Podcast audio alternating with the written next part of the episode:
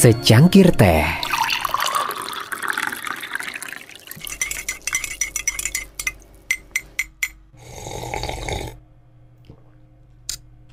Hidup itu seperti air hangat, gula, dan teh di dalam gelas. Bagaimana rasanya? Tergantung bagaimana kamu meraciknya. Nikmati secangkir teh. Podcast Sonora Bali. Bagaikan superhero.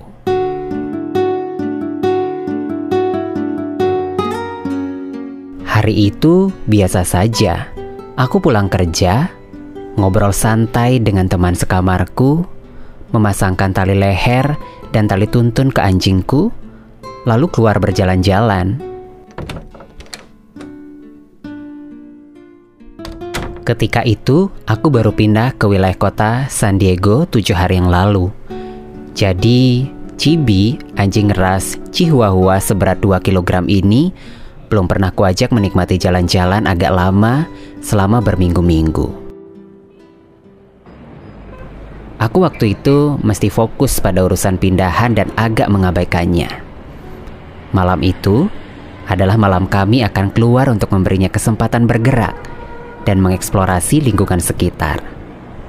Aku menuju ke arah marina dan pelabuhan kapal-kapal pesiar karena aku belum pernah berjalan ke sana sebelumnya.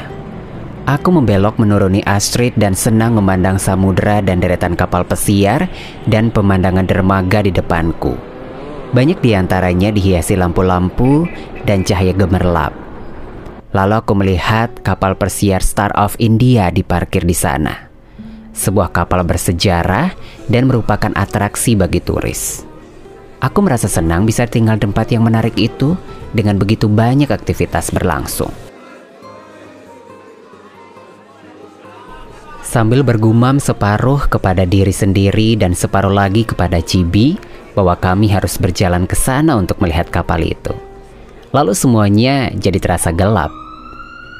Waktu keluar dari kegelapan itu, yang kusadari bahwa aku sedang melihat dari sebuah ambulans.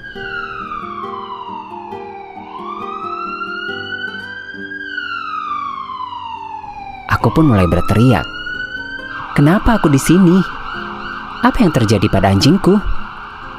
Seorang petugas paramedis menjawab, tetapi aku tidak ingat apa jawabannya.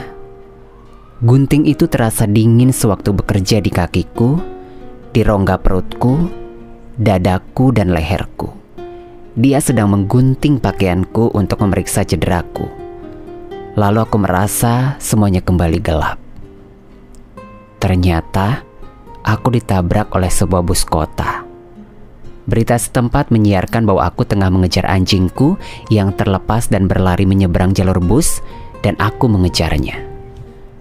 Reporter mengabarkan bahwa bus kota itu menyeretku sampai sejauh 9 meter dan mereka menunjukkan gambar-gambar sepatuku yang terpisah sejauh 4 meter satu sama lain.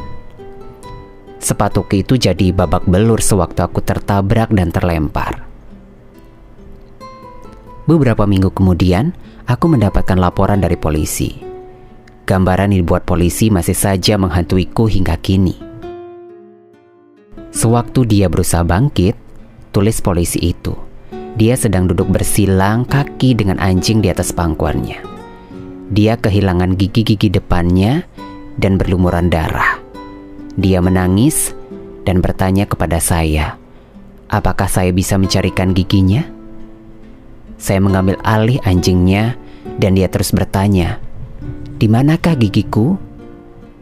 Bisakah tolong carikan? Bisakah bantu saya menemukan gigi-gigi saya?" Pastilah ketika itu aku sedang terguncang hebat. Sesampainya di rumah sakit, aku mendapatkan pembedahan darurat di kedua pergelangan tangan. Kedua tulang pergelangan tanganku tergilas dan pergelangan tangan kiriku patah.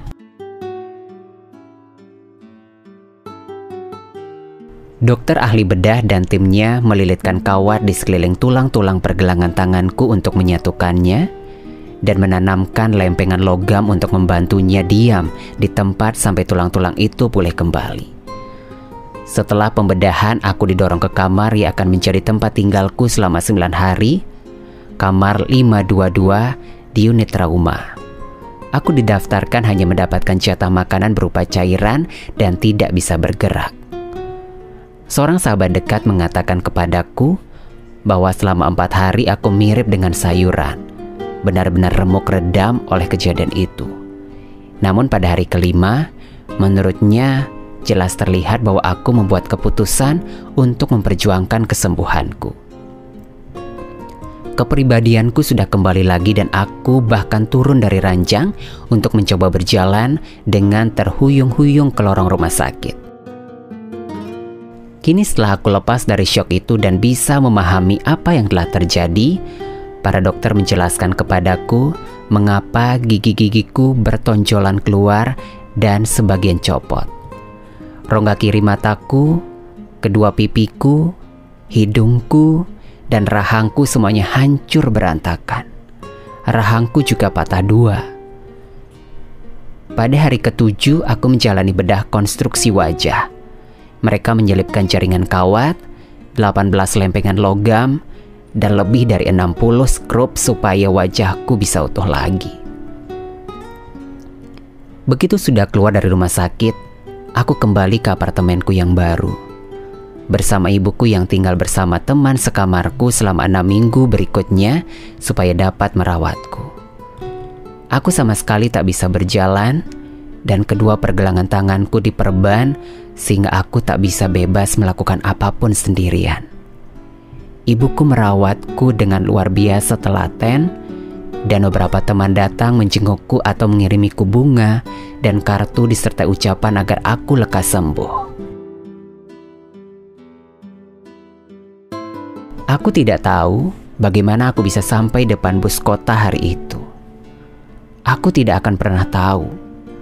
Kendati tidak mengingat apa pun, aku bisa mengira-ngira mungkin aku tidak memperhatikan lingkungan sekitar. Akulah yang menyebabkan kecelakaan ini menimpaku dan aku harus hidup dengan akibat seumur hidupku. Namun meski begitu banyak yang tidak ku ketahui, Aku tahu persis tentang ketahanan dan pemulihan fisik dan emosional setelah trauma. Sikap kita sangat berpengaruh.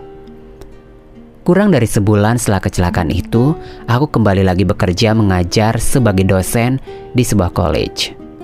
Berat sekali rasanya, dan aku harus menanggung nyeri, tetapi aku juga lebih jauh membaik ketimbang yang diperkirakan dokter. Bahkan setelah pembedahan, para dokter mengatakan kepada ibuku bahwa mustahil aku bisa bekerja secepat itu. Tetapi inilah aku, siap, bersedia, dan mampu.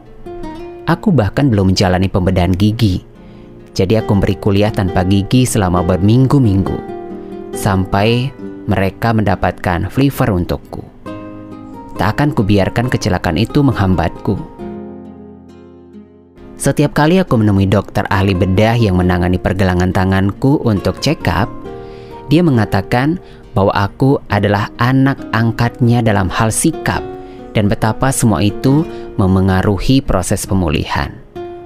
Katanya, dia punya begitu banyak pasien patah jari kelingking yang sudah langsung membenci kehidupan dan mengeluhkan bahwa mereka tidak bisa melakukan apa pun. Tetapi aku dengan pergelangan tangan remuk dan wajah terbuat dari logam masih bisa senang-senang saja. Dia sangat yakin bahwa aku pulih secara ajaib karena sikap positifku. Namun aku tak yakin bahwa sikap positif muncul begitu saja. Pelajaran hidup paling luhur yang kudapat dari semuanya adalah sikap syukur. Aku merasa beruntung punya keluarga yang rela meninggalkan semuanya demi menolongku. Aku juga punya begitu banyak teman yang mendukungku ketika itu dan masih terus mendukungku dalam masa pemulihan ini. Aku membayangkan akan sulit sekali untuk bersikap positif bila aku merasa sendirian. Aku juga menghindari hal-hal kecil yang bisa membuatku kehilangan hal-hal terbaik dalam diriku. Aku tidak bisa menuangkan susu ke dalam mangkuk serealku. Aku tidak bisa mengancingkan tali bajuku. Aku tidak bisa mengeringkan rambutku misalnya. Ibuku menuangkan susu ke dalam wadah-wadah kecil supaya aku bisa mengambilnya dan aku membeli pengering rambut yang beratnya ringan. Menjadi orang yang senormal mungkin membuatku tidak merasa jadi pecundang dan membantuku untuk tetap bersikap positif. Yang paling penting aku menyadari bahwa aku bukanlah korban keadaan. Aku melihat diriku lebih sebagai seorang pejuang ketimbang korban – Bus kota seberat 150 ton yang melaju dengan kecepatan 32 km per jam menghantamku. Dan aku masih hidup. Rasanya itu telah menjadikanku bagaikan seorang superhero.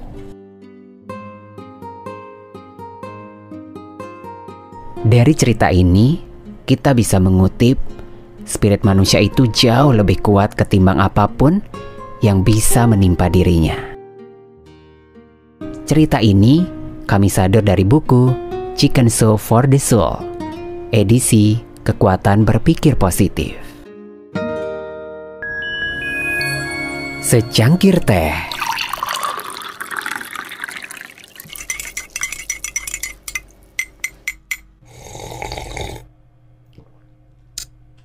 Hidup itu seperti air hangat, gula, dan teh di dalam gelas. Bagaimana rasanya? Tergantung bagaimana kamu meraciknya. Nikmati secangkir teh. Podcast Sonora Bali.